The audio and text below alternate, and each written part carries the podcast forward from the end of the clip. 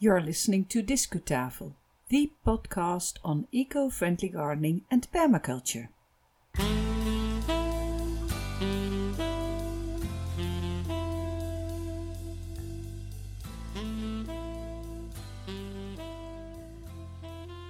Welcome to episode 60 of Discutafel. Today is October 31st, 2019. My name is Yvonne Smith and I am your host. And perhaps you hear some sounds in the background. I'm in my own garden on a very sunny autumn day and I'm very near to my four new chickens. And we live next to a road, so perhaps now and then you hear a car passing by. Usually, our episodes are in Dutch, and every four weeks or so, we publish an episode in English for our international listeners. And all published episodes are still online. You can listen to them using your favorite podcast app.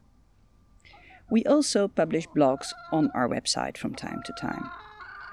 And your feedback and suggestions are very welcome. So if you like, chat with us on Twitter or on Facebook or drop me a line by email. Well, back to this episode then. Autumn has really begun now in the garden, but today we'll still be looking for the sun. First, though, we start with a tiny friend in the garden. Enjoy the show.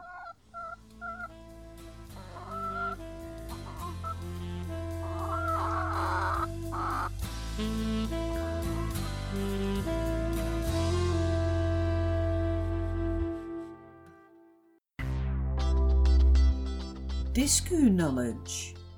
Perhaps you recognize this. While gardening, you're distracted from time to time to something happening around you in the natural world. And your job is delayed because you ran indoors to get your binoculars or insect book. Well, anyway, that's what I often do. And just this week, at the end of October, I noticed a gold crest on one of my plant pots in our Wawona garden gold crest, and this is goudhaantje in Dutch, is a very small bird. So I was lucky to notice it. Um, it was um, it was a, a lady, I think. It was a female bird, and she stood still like a statue on one of my plant pots. I suppose she was very tired after her long journey from the north uh, from North Europe um, I got the chance to quickly take a photo, so go to discutafel.nl to admire this uh, tiny little creature. Tiny, yes, very tiny indeed, since the goldcrest is Europe's smallest bird. And from the beak tip to uh, his tail, he measures only 8.5 centimeters. And if you put it on a kitchen scale, it would point at only 5 grams. So it's an amazing bird. If, if you imagine he's traveling so far, so long, such a long trip with such a tiny little body. Usually, I first notice there's a goldcrest around by its call. You need to be young or have a good sense of hearing, otherwise, you might not notice the goldcrest's call. It's a soft beep. Listen.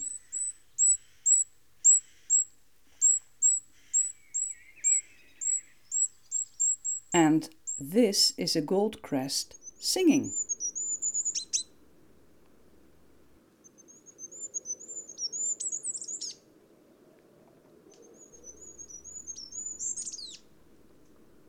Gold crests live in small groups and you find them often accompanied by tits or koolmezen and pimpelmezen.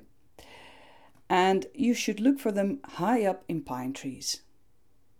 They eat small insects such as uh, springtails and also spiders, and they eat aphids, so they are, they are the gardener's best friend.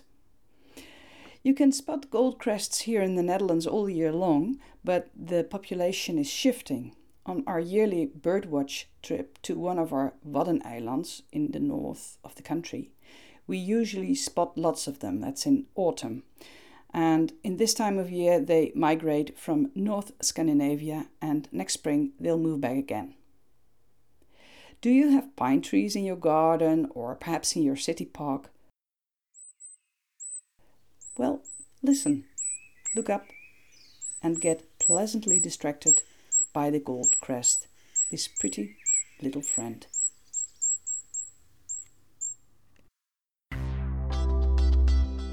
Discu tips. When you have questions for, uh, when you have problems um, which um, are connected to ecology, to the garden, to a healthy and sustainable lifestyle, permaculture can give you a hand. Permaculture helps us to find solutions for problems by studying ecological patterns in natural ecosystems. We ask ourselves the questions how does nature actually work? What can we learn from nature? With these ecological patterns in mind, we design a system which is useful for mankind and has the resilience of a natural ecosystem. Such a system could be your garden, whether it's your ornamental oasis or your vegetable patch. We people tend to hang on to our preferences. We like to create our own ideal world today. We pay the gardener to create a perfect garden for entertaining our guests or impressing the neighbors. Or we want to have a high hedge today to have some privacy. In permaculture, natural processes are the starting point. After all, it's easier and more cost efficient to work with nature than against it. And building such a sustainable system is possible only when we pay attention, real attention, and when we have patience. One of the permaculture design principles is to observe. And by observing, you'll discover the ecological patterns I just spoke about. And in this episode of Discutafel podcast, we suggest you're going to observe the sun in your garden or allotment. Let's say from midwinter onwards.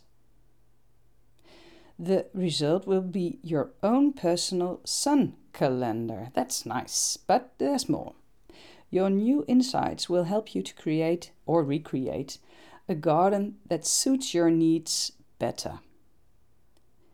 You'll be more able to use sun power and make an ecologically healthy and attractive garden. And it will be a year of surprises, I can promise you. How does this work, making your own sun calendar? First, you want to get to know the sun's position in theory. Websites like SunCalc, that's Sun Calculator, they give you information on the sun's position in your town or village. And there's also an app for your smartphone. Just go to the episode's show note for detailed information about this. Next, just go outside on a clear day. Take a compass with you. What's the position of your house and garden? Our own freestanding house has windows which um, are almost exactly on the north side, the east side, the south side, and the west side of the building. And the small vegetable patch is north south oriented. And this gave me the opportunity to build raised beds in the east west direction. And therefore, all plants get almost the same amount of sunlight, also because I planted them according to their height. Now that you know more about the sun and your garden in general, you might already have some ideas to make your current garden design a little better. But now comes the fun part you're making your own sun calendar. Your next job is to make a drawing of your garden. Perhaps you prefer to use software for this. I would suggest it could be part of the fun and the process to take pencil and paper.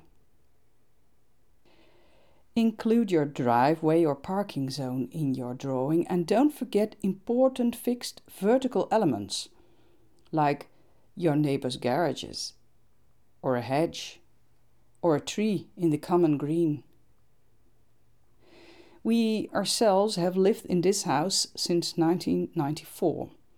And a couple of years ago, I had my observing year because I wanted to add permaculture elements in the garden and a new small vegetable patch. I thought I knew the place. Well, in my observing year, I found out I didn't.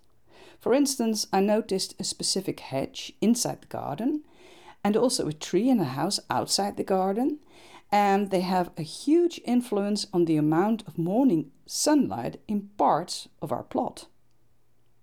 The hedge gives us privacy, but it keeps the sun away in spring and autumn. On the other hand, I'm very happy now with another hedge which gives plants and chickens shelter against the cold northeastern winds. Anyway, from now on, you've made your ground drawing and that ground drawing stays intact. And later on, you'll draw your observations on separate pieces of transparent or see through paper. And on each one of them, you add date and time of your observation. That's what you're going to do, I hope. You have a year, a full observing year ahead of you. Go and make your observations on the first day of each season or the first day of the month. It doesn't matter. It's up to you. But do this at the same time of day, and noon is ideal. Perhaps you want to note down your observation days in your agenda so you won't forget them and each time you draw lines where the sunlight is and where your plants are in the shade. Perhaps you want to take a photo or video. No sunshine on that day, well, that's not a too big a problem. You might be able to make an educated guess or just use next day's data. Gradually, during this year, you'll notice differences in the garden. Perhaps the soil in some spots stay damp longer than in other spots. This might have something to do with the sun, but that's not necessarily so. Also, soil type and compass point are factors. Here in the Netherlands, it's usually easy to find out which direction is northwest because this is the prevailing wind direction, and trees have more moss growing on that side of their trunks. And along the seaside, on the North Sea uh, coastline, that is, the canopies bend down in the opposite direction. You'll enjoy your observing year, I'm sure of that. And at the end of next year, your sun calendar is ready. That's a long time, yes, yes, I know. But in my experience, it's worth the time. You get to know your garden and its natural, natural processes so much better. I can say my own garden surprised me. My notes and drawings really made me understand better how the plot works. And my observations helped me to put in permaculture elements. I've since then designed and built our vegetable patch. That's to say, I must be honest about this. I want to be honest about this. My husband made the effort to build me the raised beds. Thank you, Tom. And there are more plans ahead, but one step at a time. I hope this talk stimulates you to make your own sun calendar. Go to our website discutafel.nl and you'll find more information on the how to make a sun calendar. And if you have made the sun calendar, I would be very happy to receive a story or a photo, a snapshot about your findings and your observations. I might share your experiences with other listeners. So please drop me a line and let me know what your observations are. And good luck with your own sun calendar. Discu finish. Back in the garden again with my chickens, and thank you for listening to Discutafel. We hope you enjoyed the show. I think Truus didn't like uh, the show very much, do you, Truus? She's always talking to me. It's funny. Anyway, I expect the next English episode to be online as from November 28. And for those of you who understand a little Dutch, or perhaps who want to practice understanding my language, well, next Dutch episode will be online from November 7. In the meantime, regards from the chickens, and let's go outside. Until next time.